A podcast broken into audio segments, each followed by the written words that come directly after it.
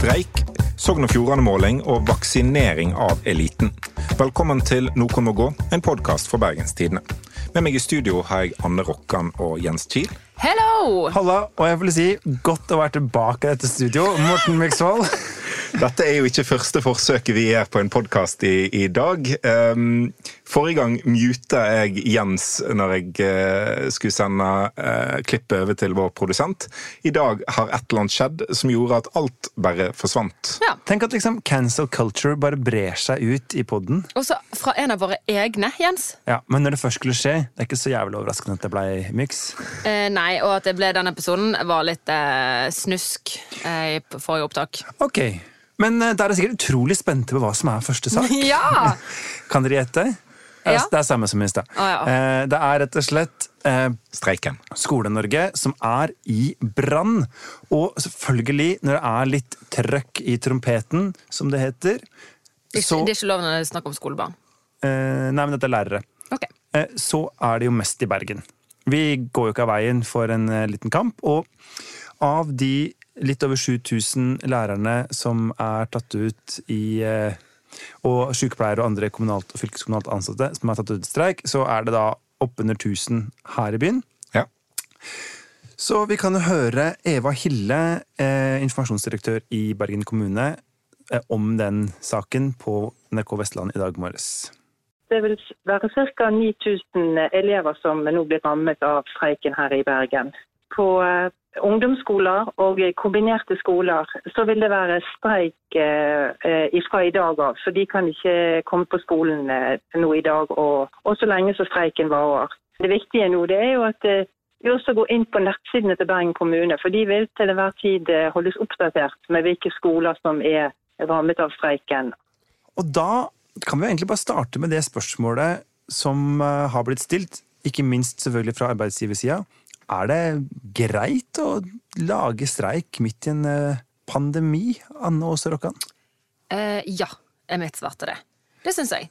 Det er jo ikke sånn at inflasjonen og resten av eh, måte, den økonomiske virkeligheten har tatt pause. At de tenker sånn nei, nå gidder ikke vi å øke liksom, konsumprisindeksen akkurat i år, fordi lærerne de, det er så dumt om de skal streike liksom, for å holde tritt, for det, det har vært et sånt kjipt år. Så jeg tenker det, det er naivt å tro at det er noe du kan ta igjen et annet år, så selvfølgelig, eh, det får vi til, tenker jeg.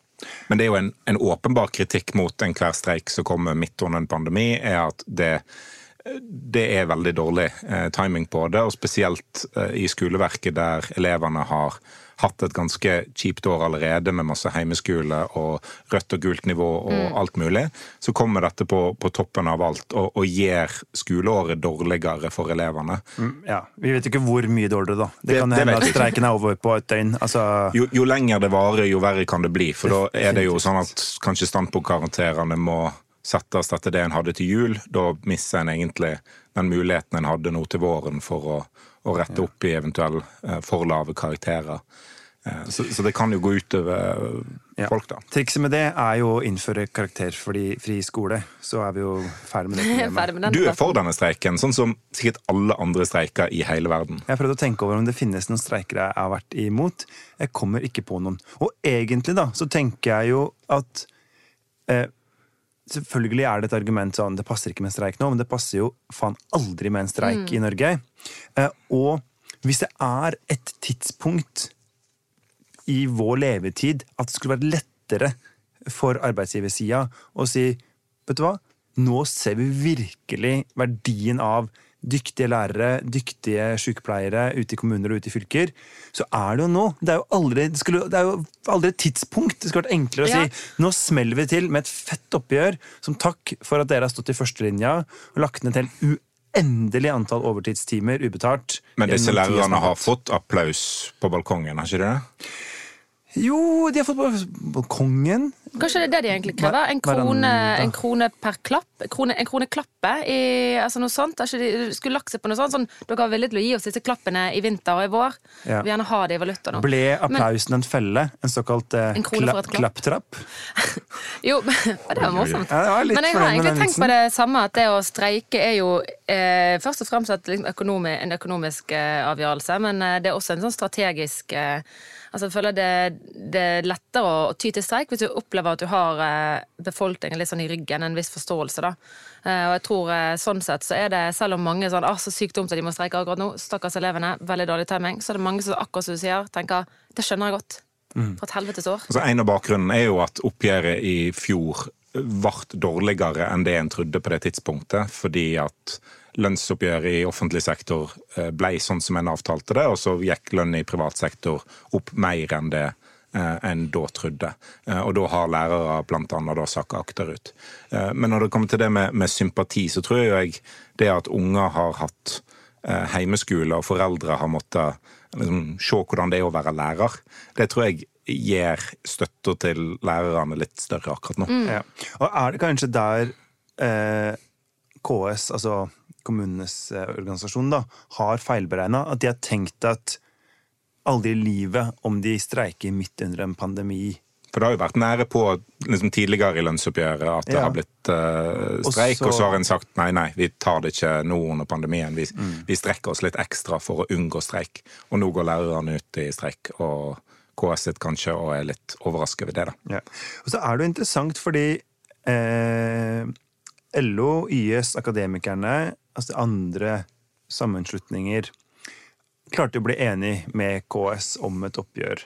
Og, eh, og de sa de på en måte var fornøyd med å få da sikra kjøpekrafta, mens eh, Utdanningsforbundet, Sykepleierforbundet osv. i Unio-systemet sier at det er ikke nok, vi må øke kjøpekrafta.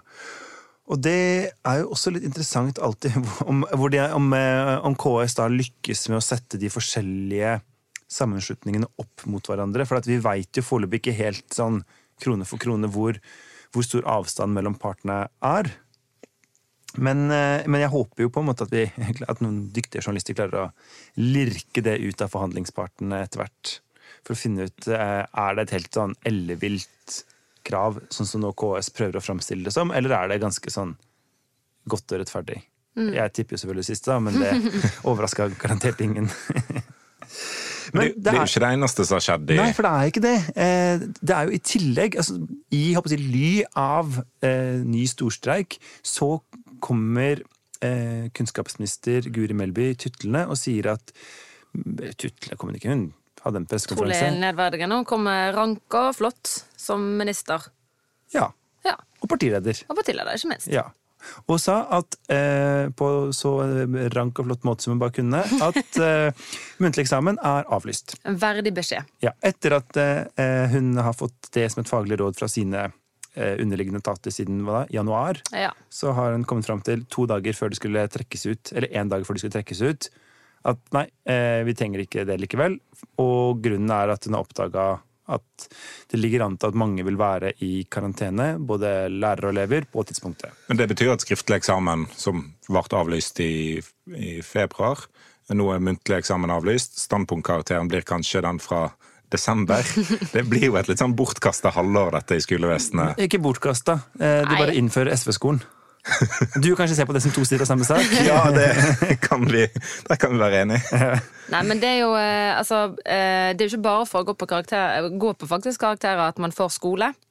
Uh, Altså, du må lære deg Du må putte noen pre, flere preposisjoner faktisk, inn i andre var Om, langs Ok, nei, men faktisk bare litt innspill her. Når, eller ikke et innspill, jeg vet heller ikke hva det heter. For det, at det var faktisk en lang, veldig langvarig streik. Når jeg gikk i jeg tror det var syvende klasse, da var hjemme fra skolen i sånn åtte uker.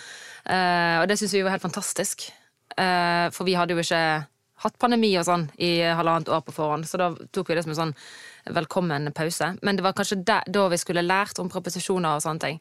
Eh, så det er et lite hull hos meg. Men jeg tenker at det bør jo de tiendeklassingene og avgangselevene, er det de som er avlyst nå? Første og andre kull på videregående må vel fortsatt faktisk ha eksamen? Jeg tror det er avlyst for alle. Det er avlyst for alle. Ja. Men bortsett fra eh, for de som er helt avhengig av det for å få et vitnemål. Altså Ja, ikke sant? Ja. Um, Mm. Der finner jeg nok eh, løsninger. Da. Blant annet privatister er jo sånn eksempel på en gruppe som Du har jo ikke, du har jo ikke Det hadde vært så slemt. Men denne- Eh, der har du faktisk et bortkastet, for det er jo skole du på en måte allerede har gått, stort sett. Ofte så skal man bare ta opp igjen karakterer, og så er det Ja. Men uh, muntlig eksamen da, folkens. Uh, er det Altså, har dere gode minner? Jeg har jo da Ja, Nå sier meg at du har et minne på eh, hjertet. Ja, Eller hvor har du det egentlig? eh, ja, det, det har jeg ikke lyst til å svare på, men jeg kan fortelle deg at eh, da jeg gikk i 10. klasse, så blei eh, 15 år gamle eh, ja, Jens? hengslete, kvisete Jens trukket ut til å forklare sin naturfagslærer, en brande av en mann, eh, Oi. om eh, seksualundervisninga vi har hatt det siste året. Måtte du fortelle om seksualundervisningen? Ja, eller eller liksom om- om sex? om sex. Og altså, det der, jeg husker så innmari jeg satt inne på det, det rommet der man sitter og forbereder seg i 20 minutter, Mm. og bare liksom Ok, jeg, jeg vet jo hva jeg skal si. Fordi liksom når Du du, hadde lærer fulgt med når du altså, lærte- Det er jo ikke alltid du får med deg alt om sånn karbonkjemi og lyslære Mm. og sånn naturfag, men eh, eh, stiv penis, våt skjede videre, det husker man jo. Så det var egentlig mer det å bare gjøre sånn pusteøvelse. Bare, ok, jeg skal si dette høyt foran eh, mennesker jeg ikke har engang kjenner, som den der fremmede eksaminatoren er. jeg synes det er litt eh, lov å si under beltestedet, og nesten ha det som et eh, tema på muntlig. Altså, det, det jeg er jo helt for at det, altså det burde vært en mye større del av pensum, spør du meg, og du kan gjerne ha mye bedre seksualundervisning. Den vi hadde på Olsvik skole, var eh, og undergjort på sånn 25 minutter, og det var Det er mye som er undergjort på 25 minutter. Da. Jeg tenker jo sett at hvis du har raus seksuelt, eh, seksuelt kapittel i livet. på en måte. Jeg tenker jo at Hvis du klarer å gjennomføre muntlig eksamen i seksualundervisning og liksom har hele setninger med preposisjoner og alt, så fortjener du jo å stå. Ja. Ja, Herregud! Men Er det er- lov å snakke om lavthengende frukt når man snakker om eh, seksualundervisning? Spørsmålet er hva fikk jeg? Sex. Jeg fikk seks. Endelig. Yes, Skal vi gå eh, videre til noe som er kanskje Skal ikke vi dvele ved dette litt til? Nei, nei, nei. nei, nei, nei, nei. Absolutt ikke. Men, husk, Jeg var 15 år. Ja, nei, men jeg, jeg må bare si eh, hva heter utrop til Jens Kiel for å stå, stå i det. Det var ikke engang meningen. Ja, ok. Men fra altså, La oss ha litt mer sexy time Vi i glir videre. podkasten. Vi går videre til en ny måling for Sogn og Fjordane, som Bergens Tidende eh, kommer med nå. Jeg liker at du gikk ned i Vi skal videre. Stemmen din. Senterpartiet har ikke lenger over 40% av stemmene. Men det er ikke så langt unna. Men det er kanskje ikke det som er det mest slående med denne målingen. For Stad-ordfører Alfred Bjørlo topper Venstres liste og får 2,1% av stemmene. Det er halvering siden siste valg. Han er altså ordfører i Stad, og der fikk han 36,2% i 2019. Og da er spørsmålet mitt er det sånn at populære lokalpolitikere mister all popularitet i det de stiller på stortingslista? Har ikke det noe å si lenger? Prøver du å si at uh, det, det, hans personlige popularitet ikke er et godt nok glidemiddel inn mot stortingsvalget? Nei? Nei, det var ikke det jeg prøvde å si. Nå er det smøret tynt på her, eh, Jens.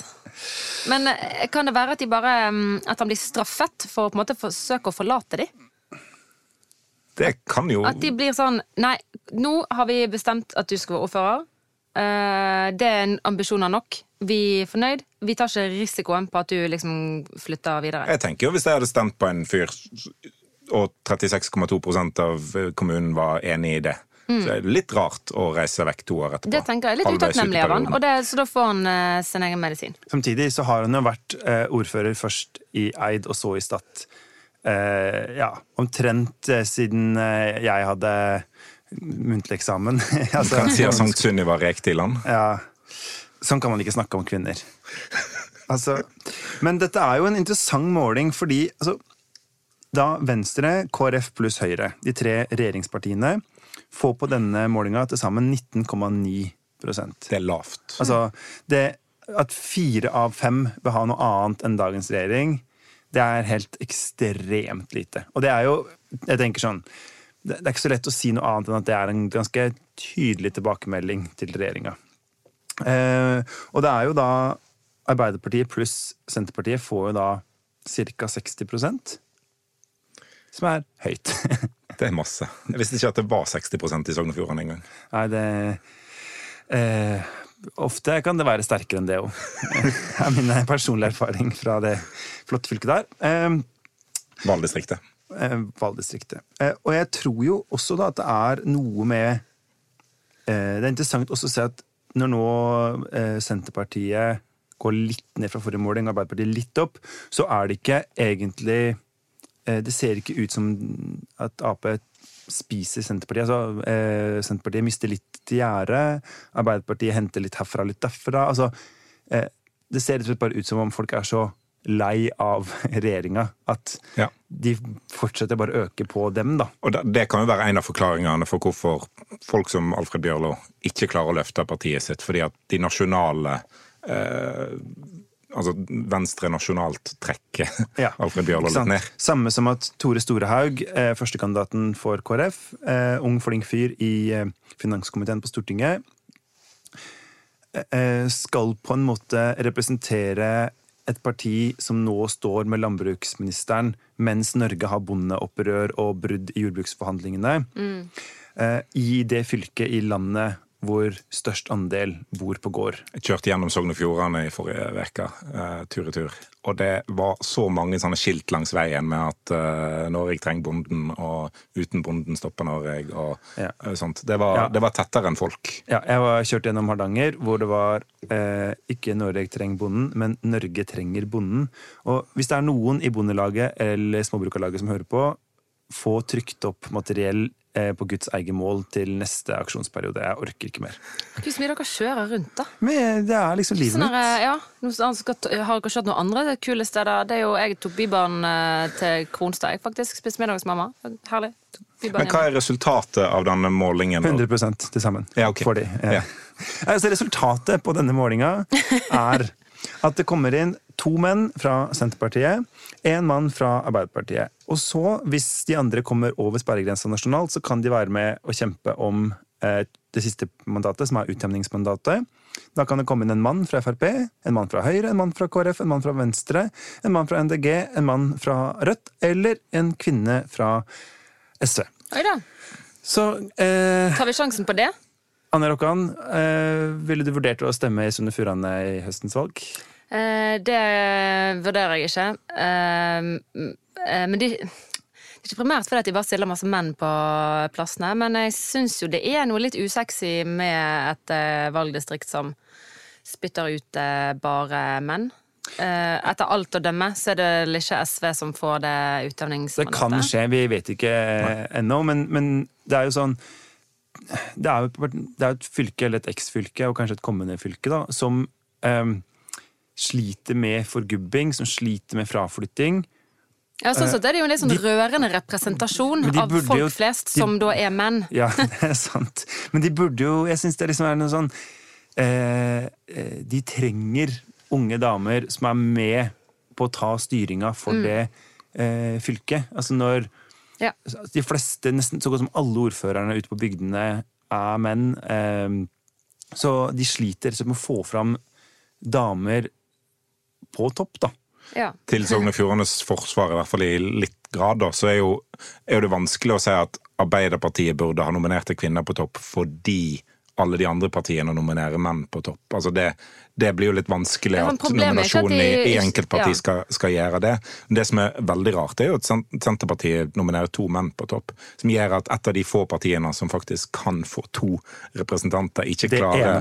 Ja, eh, ikke kan eh, klare å sette en mann og en kvinne eh, på topp. For det har jo ingenting å si hvem som er fjerdekandidat for Frp eller SV i, i Sogn og Fjordane. Eh, de, de kommer ikke inn uansett. Det er bare førstekandidaten som, som teller. Ja, altså jeg tenker eh, at eh, eh, Hva skal jeg si det, det er ikke sånn at hvert parti har et ansvar enkeltvis for eh, den samla oppslutninga, men når man ser over tid at Vestlandet sliter, altså sånn som i kommunevalget i Bergen, hvor alle utenom Rødt hadde dame på topp. Og nå har jo hatt andre partier som SV har hatt det før, og det er ikke det, men, men liksom summen, da. Hvis man bare ser på den, så er likevel altså Vestlandet har litt for ofte at man ender opp med en sånn type gutterekke. Ja, og det der er jo ikke noe som er fikset fra liksom annethvert år til neste. Det, eh, altså, jeg skjønner godt at det er vanskelig hvis hele partiet samler seg om én førstekandidat, og så er denne tilfeldigvis mann. Så er det jo eh, kanskje bare på en måte Eller det kommer vel litt an på parti til parti, da, hvordan hva du har å ta av nedover, men det er jo et lang, langsiktig liksom, investeringsprosjekt å dyrke frem akkurat som det er i bedrifter, gode lederkandidater og folk å rekruttere fra. Eh, Og ikke bare velge blant de som er der akkurat når du trenger en listetopp. Hater når du akkurat trenger en listetopp. 'Hallo, er det noen listetoppere her?' Ja, vi tar deg. Ja. Og da er det oftest en mann som, som eh, rekker opp labben og sier 'jeg kan ta det'. Ikke sant? Men jeg tror i sum da, så er det jo også en sånn si, Sogn og Fjordane er jo ikke et kjempespennende fylke å følge i seg selv, på den måten at eh, målingene er veldig stabile. I hvert fall mandatfordelingen. Ja, ja mandatfordelinga. Altså, det blir to til Senterpartiet og én til Arbeiderpartiet. Eh, og så veit vi ikke utdanningsmandatet før en dag eller to etter valget.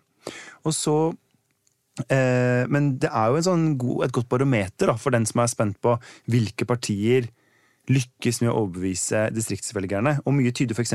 på at Arbeiderpartiets sjarmoffensiv faktisk funker ute på bygdene. Ja. Mens da eh, KrF og Venstre kan gjøre alt de vil, og de bare, det er ingenting der ute, da. Greit. Ja, nei, Jeg skjønner godt at folk vil på tinget, sånn helt eh, generelt. Eh, det kommer jo et par eh, ekstra jeg lov å kalle det frynsegoder eh, med det vervet. Denne uken så kom jo nyheten om at eh, ja, etter vi har diskutert eh, vaksinestrategi og aldersprioritering og geografisk forfordeling og sårbare grupper og utsatte yrker i liksom, middelige tider, så eh, er det en ny gruppe som skal prioriteres. Nemlig alle som har ansvar for beredskapen og driften av dette landet. Det vil jo si Stortinget, eh, regjeringen, Høyesterett og ikke minst kongehuset. Vi som er i Sivilforsvaret, er vi på lista? Nei. Vet jeg ikke, tror jeg ikke. Nei. Nei, får du gi deg, Jens. Eh, nei, nyheten den uh, såkalt vakte oppstandelse, og uh, det hendte jo med at en god del stortingspolitikere har valgt å takke nei. når de så på en måte, altså Veldig mange ble øyeblikkelig forbanna. Leger rundt i distriktene protesterte, og, og mange syns dette er veldig veldig elitistisk og urettferdig. da, At de på en måte bare bevilger seg sjøl eh, disse vaksinene.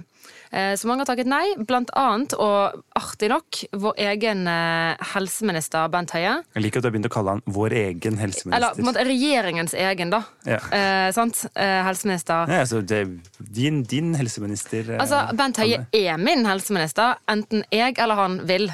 Eh, eller ei. Så, så han er vår Det er han bare. Eh, men han velger å takke nei, og her forklarer han hvorfor. Jeg vil bare understreke at jeg skal ta vaksinen, det er det ingen tvil om. Eh, Men jeg er jo en av de få som har fått dette spørsmålet helt siden januar. Eh, Og jeg har jo vært eh, samfunnskritisk i hele den perioden, men jeg har da svart at jeg kommer til å ta vaksinen på det tidspunktet det blir tilbudt vaksinen i min hjemkommune. Og det er et svar som jeg ønsker å stå inne for. Og så har det definitivt òg noen utfordringer ved å stå inne for det. Eh, Det er jeg den første til å, til å innrømme. Jeg har derfor måttet gjort en grundig vurdering av min egen situasjon. Eh, Det er jo med tanke på beredskapen, dette her. Eh, Men det er kanskje ikke Det kom litt brått på at den beredskapen At det var den som skulle prioriteres akkurat nå. Er det, er det egentlig greit at politikere blir prioritert på den måten? Nei. Eh, eller Hvis de skulle vært det, så burde det ha kommet som en del av den store vaksinestrategien fra starten av. Har varslet om litt tidligere. Ja, jeg tenker at Hadde de sagt i desember, januar, februar at eh, når vi er ferdig med de liksom, eh, mest utsatte risikogruppene, så er det en del eh, av landets beredskaps... Eh, mest, altså, mest sentrale posisjoner som vil bli vaksinert. Eh, så Jeg synes det er rart at disse som er så sentrale, de burde nesten blitt eh, vaksinert aller først. Ja, for De det, er ikke så jævla mange. Og hvis det, sånn, det- hvis det er de beredskapen vår står og faller på, eh, ja, så hvorfor i alle dager ble ikke de Det høres ut som en sinnssyk avgjørelse å først prioritere de nå, hvis det er så himla avgjørende. Ja. Det Monica Mæland har sagt, da, er jo at denne vurderingen eh, om å gi eh, liksom statsapparatet øverste delene av statsapparatet vaksinen eh, og, og, og gi de prioritering, den er gammel. Og så har regjeringen valgt å ikke eh, følge det opp før nå, før liksom, tilgangen på vaksiner er, er god nok. Og det er jo mange som nå reagerer veldig på at stortingsrepresentanter får vaksinen, eh, som sier at hvis den beskjeden hadde kommet i januar, hvis de hadde fått vaksinen i januar, så hadde det ikke skapt problemer i det hele tatt. Det tror jeg ikke på, for da holdt en på å vaksinere sykehjemsbeboere. Eh, og det gikk sakte. Eh, så jeg tror det ville blitt oppstandelse eh, da Men òg. da er det sånn, ok, hvis alle uvaksinerte og i risikogruppen hadde strøket med, da så hadde vi sittet igjen med en haug med vaksinerte sykehjemsbeboere og et par eh, kids, liksom, hvis alle andre skulle stryke med. Nå eh, Hvorfor blir ikke de prioritert over de? Det, det synes jeg faktisk Det hadde vært litt eh, artig som et sånt slags reality-prosjekt å bare eh, latt eh, et sånn eh, metodisthjemme, da, for eksempel, ta over og være regjeringsmakt i Norge. Ja, Fordi for det var de, var ferdigvaksinert. de ble ferdige, og så strøk Ja. hele Stortinget Ja. med. Og alle oss i midten, og så er det sånn et par tenåringer som har eh, stått han av, og så skal de finne ut av det. Men jeg, jeg tenker at det ikke er særlig elitistisk å slå fast at Norge har en ledelse. Og at Norge har en regjering og et storting som må fungere i krise. Eh, Og en visste ikke i januar eller i mai hvordan smittesituasjonen ville utvikla seg. Eh, Så Nei. det kunne være at en eh, sto i en situasjon nå ved inngangen til juni der smitten var problematisk veldig mange plasser. Eh, Nå ser jo en at, at smittetallene synker både i Oslo og i Bergen f.eks. Men, men det er fornuftig at Stortinget kan samles raskt. Det er fornuftig at regjeringen At sjansen for at de settes ut av, av utbrudd, at, at de blir vaksinert. Ja, jeg har større forståelse for regjeringen, som, eh, som nå er faktisk eh, utøvende og, og veldig sentrale. Men i så fall så ville jeg eh, prioritert eh, de få menneskene ja, nettopp i januar. Nå er jo pandemien på hell. Smitten er superlav. Det er mye mindre eh, sjanse for at Bent Høie blir alvorlig koronasyk i dag. Mm. Og også- Og om de så ikke visste det i januar, da når strategien ble lagt, så kan da, nå er vi nå nesten i juni. Det får de si faren er på en måte over. Ja. Bent har vært kjempegod, knallgod, eh, og unngått smitte så langt, og det vil han sikkert klare litt til, til det blir hans tur uansett i vaksinekøen sin. Ja, for nå er det på en måte opp til vaksinestrategien i Stavanger kommune når landets helse- og omsorgsminister får eh, vaksine. Og så tenker jeg jo at eh, en stor forskjell her, for meg i hvert fall, er at regjeringa har ingen varaer. Altså, Erna Solberg kan selvfølgelig oppnevne settestatsråder eller nye statsråder når som helst, men i utgangspunktet så det er bare regjeringa som er regjeringa. Mens eh, eh, Stortinget har et uendelig sett omtrent, altså helt kjempelange varalister. Da, altså Om noen blir syk, så går det an å sette inn andre. Eh, og de har mulighet for å møtes på andre måter enn dagens eh, måte. Og de eh, kunne ha løst flere av de smittevernsituasjonene på Stortinget bedre enn Men vi vet ikke at Stortinget kunne møttes på andre måter enn de gjør i dag. Altså sånn Det virker som om Stortinget tolker Grunnloven, så må de møte opp eh, for å, å ha voteringer. For de har ikke, det har ikke skjedd en votering utenfor stortingssalen. eh, og, og det er ingen som har åpnet opp for at det eh, skal kunne skje heller. De kunne fint møttes da de eh, er det 87 stykkene som kreves, med to meters avstand i dagens sal. Altså ved å eksempel bruke galleriet ved å et eller annet. Altså det, de har, de har ikke, det virker som de ikke har sett på de mulighetene heller, men bare sagt vi setter opp litt pleksiglass og krysser fingra. Ja. Men hvis uh, Stortinget skulle begynt å kalle inn mange vararepresentanter pga. utbrudd på Stortinget, så ville jo det òg ført til masse reising på kryss og tvers av landet i en gitt situasjon der smitten var høy. Nå er vi i en situasjon der smitten er lav. Det kunne en ikke vite uh, sjøl for tre-fire uker siden at situasjonen ville være sånn Nei, men, i, sant, i dag. Nettopp det. Nå vet vi at den er dette i dag, og da er det ikke nødvendig å Altså, det er ikke full krig i land. Det er ikke sånn akutt må vi hegne om Men det er jo ikke sånn, som om var. pandemien er over nå. Altså, det kan komme store utbrudd uh, igjen. Det, det er ikke sånn at Oslo er ferdig med epidemien. Og derfor er det enda rarere at de ikke bare har sagt det fra starten av, klart og tydelig at det kommer vi til å gjøre. Ja da, altså Regjeringen har rota til nok en gang eh, beredskapsdiskusjoner. Eh, og når, når helseministeren klarer å, å være liksom, Det viktigste nå er at noe han sa på en pressekonferanse i januar, fortsatt skal stemme. Når regjeringen liksom endrer på alt annet fra dag til dag. Fordi at de vurderer situasjonen fra dag til dag, sånn som de skal gjøre. Ja. Da, da blir det jo veldig tullete. Ja, jeg liker så godt at nå har vi den samme diskusjonen for andre gang på et par timer. Og det blir akkurat like dårlig stemning i studio som det ble i stad. Jeg bare, jeg fatter ikke hva du snakker om, Morten. Jeg synes det er helt absurd. Hvor faen tar, Men, eller, eh, så Hvorfor oss- gi de den vaksinen, da? Skal... så slutter, får de slutte å- For det som er morsomt, så mange takker nei. Fordi plutselig blir det sånn Å nei, kan, eh, kan det bli sånn eh, Bli flau over å takke ja med en gang det blir bråk? Men de vil jo egentlig Selvfølgelig vil de ha han. Herregud, de er jo dritlyst på han. Ja, Hva tenker du om de alle- som takker nei, Jens? Eh, jeg har ikke egentlig så mange tanker om det. Eh, faktisk så tenker jeg at Hva skal jeg si? Hvis du er eh, Hvis du bor i bydel Grorud i Oslo, som er en av de bydelene hvor det har kommet lengst i å vaksinere, eh, så er det vel nå er det vel nede på 50- eller 40-åringer og sånn. Ja. Og det betyr jo at du i hermetegn sniker i køen foran en 60-åring i Molde. Ja. Eh, Tilfeldig valgt by. Eh, altså.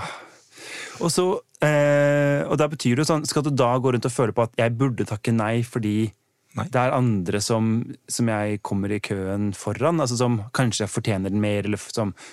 Nei, nå følger vi vaksinasjonsprogrammet. Når vi får beskjed, så kan vi ta en vaksine. Det, jeg mener at det er Og det er det som er tullete med det der begrepet å snike i køen. Altså det, det er bare de som lyger på seg en eller annen bakenforliggende underliggende sykdom eh, for å få vaksinen før de egentlig skal, som sniker. Hvis du blir prioritert av eh, regjeringen og, og, og vaksinasjonsprogrammet, så har du ikke snek i køen. Men jeg syns jo at de hadde fått mindre av et snikestempel hvis eh, noen hadde tegna opp hvordan kørekkefølgen kom til å være helt fra starten av. For det er jo det som er at Men det har en jo endra på det var en hem, det var en, De hadde fått en hemmelig kølapp som vi ikke fikk vite om. Men jeg tror ikke de takker nei fordi at de er redd for å bli beskyldt for å snike i køen. De takker nei fordi at de er uen, eller de vil vise at de er uenige med å bli prioritert Ja. i køen.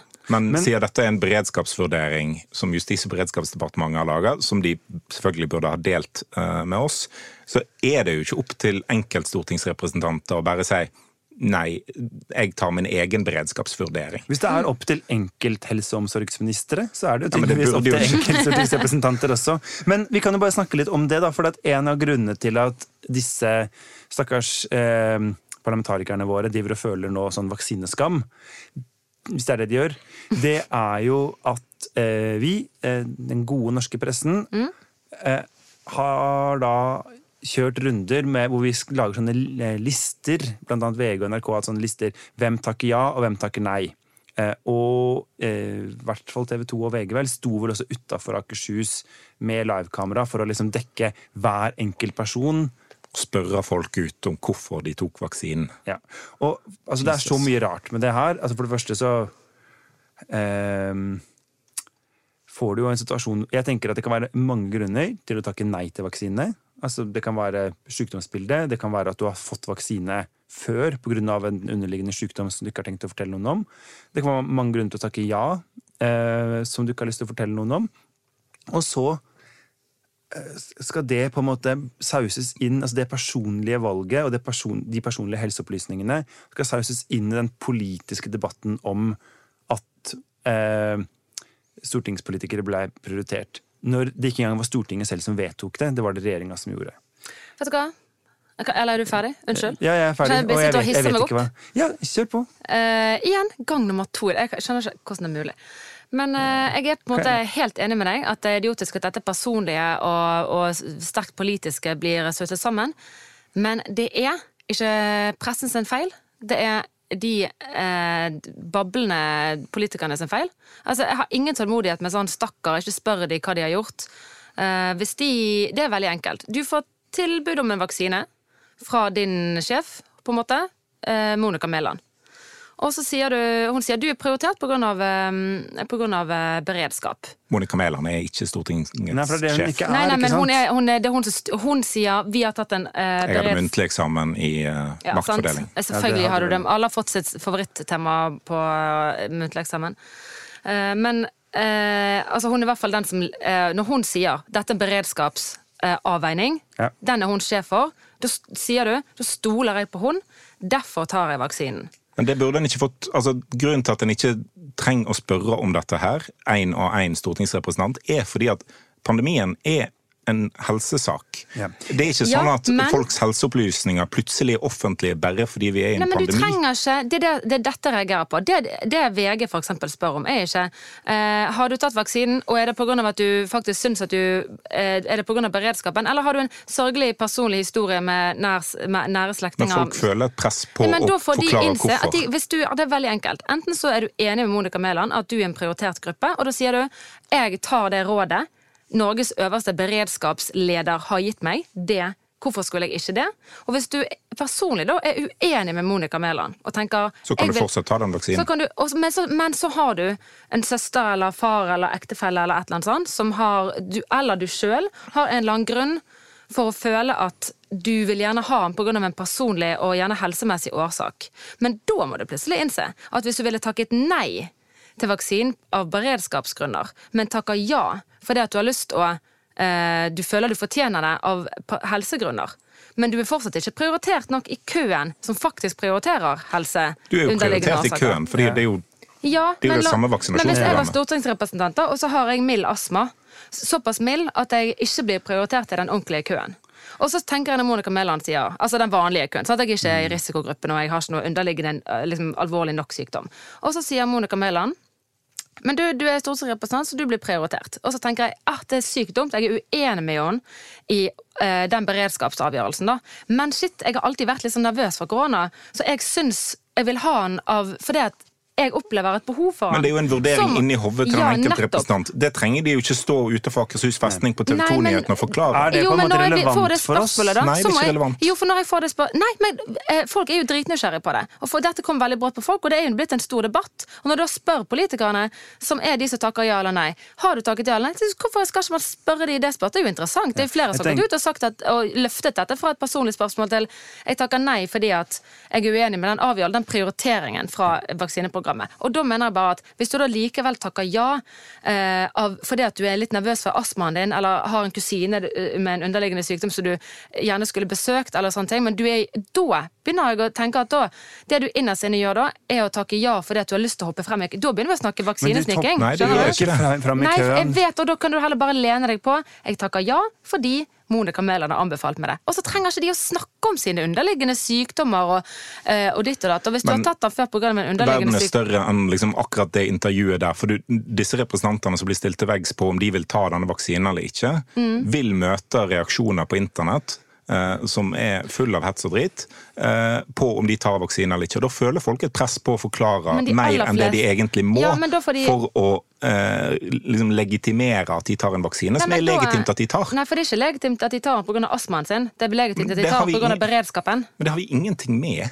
Nei, men Da kan de bare si 'jeg tar den pga. beredskapen'. Det har på en måte hun som har ansvar for beredskapen. Ja, og det syns. Det er folk- ingenting å skamme seg for. Og det syns folk på internett er et tullete argument, så da føler de at de må si mer. Og da Ja, tvinger er de jo, fram eh, Da må jo de ta det med sin egen minister, på en måte. Ja, men de er jo ikke, altså det er jo ikke sånn at for eksempel Skal en Arbeiderpartirepresentant ta det med sin egen minister? Har Hun er eh, fortsatt IS-minister. Ja, men hun er jo ikke liksom eh, deres egen minister. Er, hun har bare bestemt at det er en forskrift og ferdig med det. Ja, men, men, det er jo mange at- som, har tatt den debatten og takket nei bare fordi de er prinsipielt helt uenige. Ja, men vi kan jo heller ikke helt vite. Det kan jo være at altså teoretisk sett da, at en del av de, eller noen av de som har takka nei av prinsipielle grunner, svært gjerne skulle takka ja fordi de er bekymra for egen helse, men nå ikke tar sjansen på å stå i det fordi, fordi det er valgkamp snart, Ja, og fordi internett er noe drit. ja.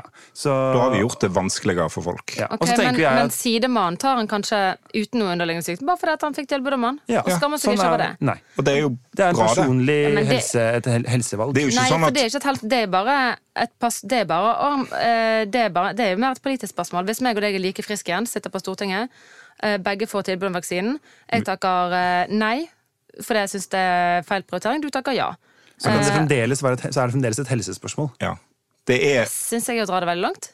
Korona er Det er jo en helse, en helsekrise. Nei, dette er jo en beredskapsavgjørelse. Ja, men hva er korona? Korona er jo en pandemi. Ja, ja, men akkurat dette handler jo ikke om at stortingsrepresentanter blir sykere enn men, andre men tar ta det ut av dette med stortingsrepresentantene, da. Hvis, hvis uh, en mener at en sjøl ikke burde vært i risikogruppe fem, fordi Ja. Mm. at fastlegen har overdrevet et eller annet i journalen din, så er det jo ikke sånn at du har en moralsk plikt til å liksom trekke deg fra, fra det. Og nettopp derfor syns jeg ikke de har noen De burde, de burde ta den, de. Absolutt. Men hvis du først takker nei av prinsipielle grunner, og så skal du etterpå takke ja av private grunner, det blir så jævlig rotete å si at derfor skal ikke vi spørre. Men vi kan spørre, jeg mener vi skal kunne spørre, eh, altså Journalister skal kunne spørre om omtrent hva som helst, men vi må forvalte svarene på en god måte. Og jeg syns f.eks. at det er stor forskjell på det å lage en sak hvor man, eh, som du har vært inne på, setter i en kontekst, eh, altså tar opp det politiske spørsmålet. Altså, det er f.eks. interessant at Michael Tetzschner i Høyre er mot at Stortinget får vaksine. eh, når det er hans eget parti som har anbefalt det. Ikke sant? Sånne ting.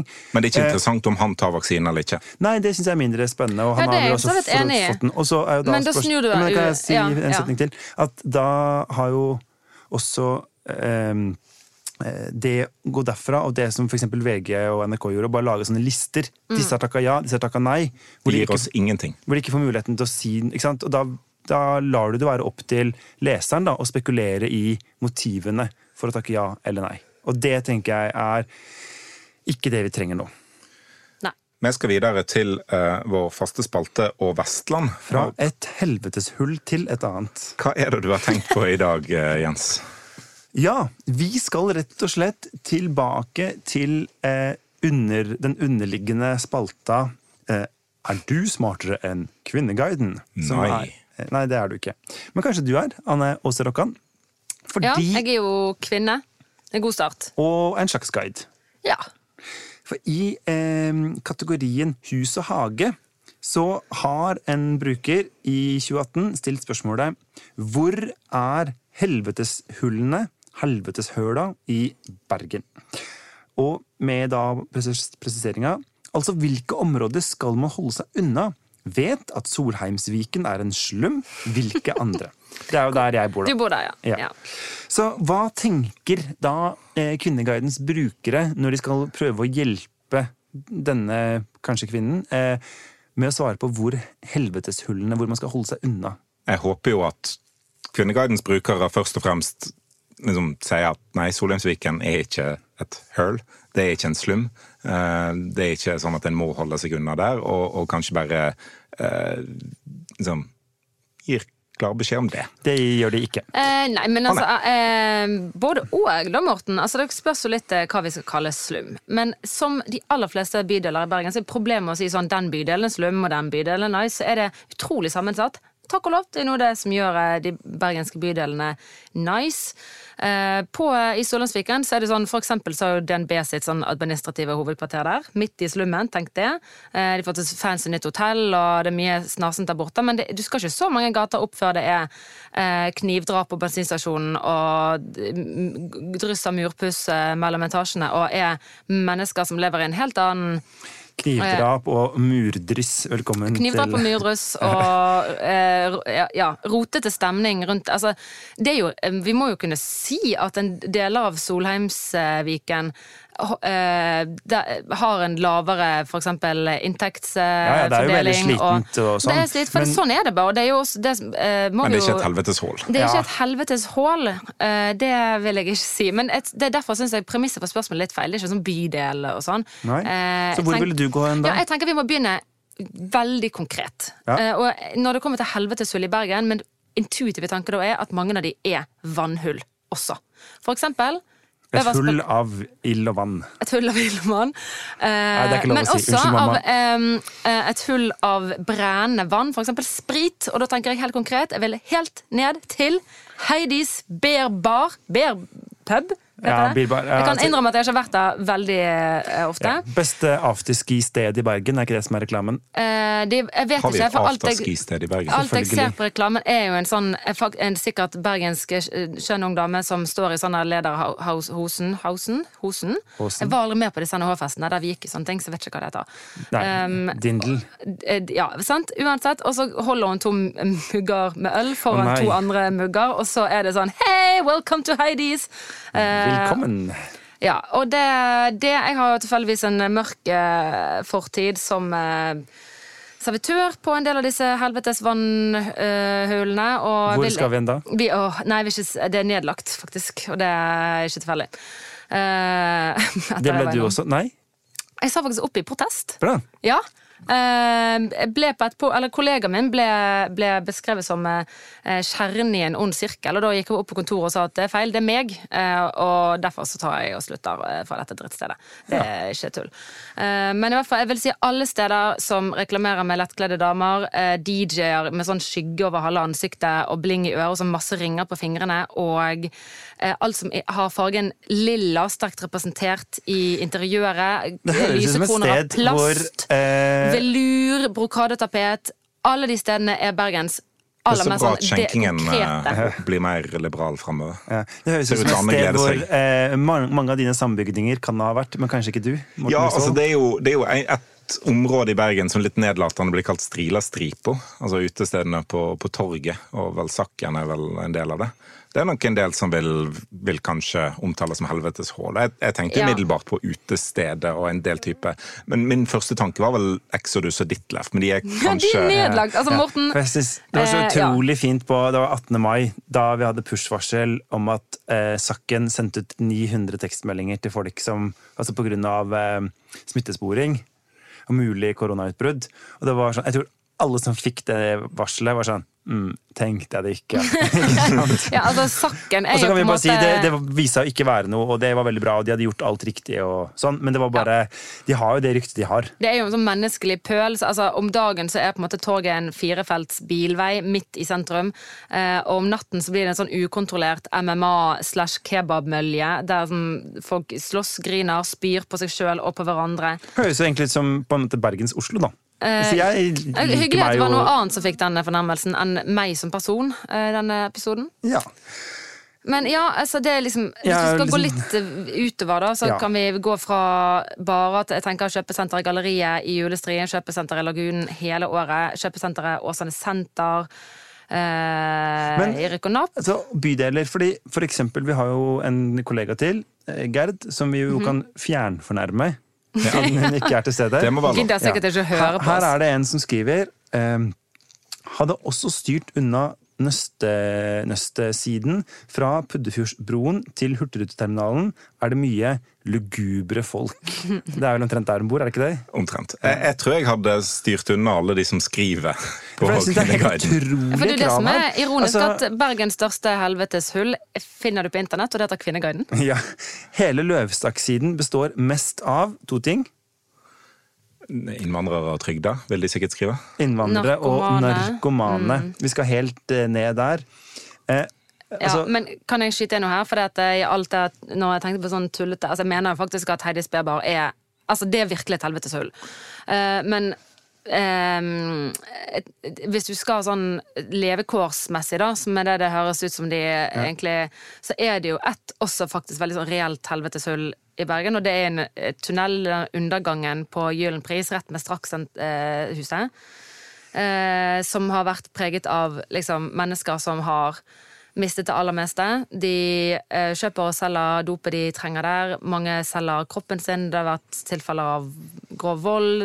Eh, mange har bodd der i perioder. Det er kaldt, vått, mørkt, og det er Alt er feil med det. det er på en måte et helvetes hull, og det er jævlig mørkt på alle måter, og rusreform helst i går, tenker jeg vi kan si. Eh, Hver gang du går gjennom der, så ja, i- innser du hvor det er vel jævlig liksom gale det er. Denne poddens eh, manifest. Bud nummer én. Ja. Definitivt. Eh, nei, og det er jo et eller annet De som skriver inn her, jeg merker eh, Jeg syns jo at sånn eh, Sånn ordentlig Sånn festested, altså hvor det er, alt er bare tull og tøys ute. Jeg, kan trives veldig godt med det. Eh, også. Og det, og det er jo fint at Bergen har alle deler, liksom. Ja. Mens de som er her, da, er jo litt mer sånn altså, liksom, du mener at hele Løvstakksida består mest av narkomane og innvandrere, og derfor burde du ikke bo der, så Ja, er det et eller annet sånn Da har du eh, kanskje ikke vært der heller. Nei, jeg fikk ikke lov av slekten. Det er fint at det er de som møtes og avgjør det. Det er noe en patriarkalsk kultur. Å kjøpe leilighet på den siden pga. dårlige solforhold også. Så sånn, Nei, det- I så fall vil jeg feil, feil, anbefale ikke kjøpe leilighet i Bergen. altså, Egentlig ikke i Norge generelt, Ja. men jeg lurer på, er det noen bydeler det er vel ingen bydeler som ikke har sin fair share av uh, Nei, det mennesker er med store jo er jo forskjeller og... mellom bydelene i levekår, det er jo ikke tvil om det, men likevel så er det jo et eller annet sånn Folk er folk. Og det er jo, hvis jeg kan avslutte da, med en her som jeg syns sa det veldig fint Det er sjelden problemer i Bergen, og liksom så lite problemer, at bergenseren er nødt til å finne på noe selv. Nå for tiden krangles det om bompenger. First world problem. Og det var liksom fint sånn Ro deg ned, det kommer til å gå fint. Eh, og vi finner på noe annet å krangle om, men Ja. det er ikke de menneskene rundt deg som er eh, problemet. det går an å leve men en, en, et hull som, som ikke har blitt nevnt her, da, eh, som leder rett til helvete, og det er ikke Ulrikstunnelen som går til Arna, men eh, eh, Mariminehullet i eh, Sandviken. Eh, som er omtalt i Ludvig Holbergs bok om Her Nils Klim. snakker jeg om bar og ukulturliv, og så kommer ja. Morten med Et litterære skikkelig, referanser. skikkelig marehull. Ja. Eh, Der, der kan det gå ut skogen, hvis du havner nedi. Det er en som her som er innom det. Og som skriver da kommer du til Kina. Det gjør du egentlig ikke. I, Nei. Men eh, som Holberg skrev, som det står her. Ja. Så Også den her, eh, Kan jeg trekke frem en siste? Ja. Sentrum er full av narkomane og tiggere. Det er heller ikke mulig å parkere ved bolig. Det er så bra, sånn der, De tre største bekymringene i livet, liksom. Ja. Uh, Bergen, en drittby. Uh, og du kan heller ikke parkere utafor Jeg tror Ja. kanskje vi skal slutte å bruke Kvinneguiden til noe som helst. Det er så det er, Jeg blir jo veldig sånn mørkt til sinns av å sitte og lese disse greiene før eh, sending. Ja. Men eh, du mye på er, det, er du liksom er Vestlandet, du har vært over alt, du er ferdig med, du har stilt spørsmålene. Nå er det bare Qui- eh, som jeg var And the Quinneguide. Ja, det er nei, der du det- henter det fra. Eh, Det er jo på en måte så, det er jo meldt så fantastisk vær denne helga i Bergen og på Vestlandet at Mhm. vi må ha noe til å dra oss ordentlig ned. Det var nydelig sagt. Som erkebergenser så kjenner jeg at litt skyer må det være i horisonten. Før vi avslutter, er det noen som må gå denne veka? Ja, alle brukerne av Kvinneguiden. Ja. Ja. Jeg kan godt være den lille skyen i Annes horisont. Uh, det er du uansett, Jens. Uh, men jeg trenger større utfordringer for å kjenne det litt sånn eh, blåse litt kaldt i nakken. Men uh, ja, skoleelever kan gå hjem for en stund. Som Ja. vanlig. KS kan gå tilbake i pengebingen og hoste opp noe mer penger til Ja. høyere lønn. Eller ikke host på pengene. Kongehuset må gå og stille seg i kø for sin vaksine. Ok. Innspill og tilbakemeldinger kan sendes til nmg snabela.bt.no eller i Facebook-gruppa Noen må gå. Vi kommer med en ny episode som jeg forhåpentligvis ikke uh, sletter neste torsdag. Um, intromusikk var 'Bergensere' av Bjørn Torske. Produsent er Henrik Svanevik. Du finner podden i BT-appen eller hvor enn du laster ned podkaster fra Verdensveven. Ha det bra! Hei da! då!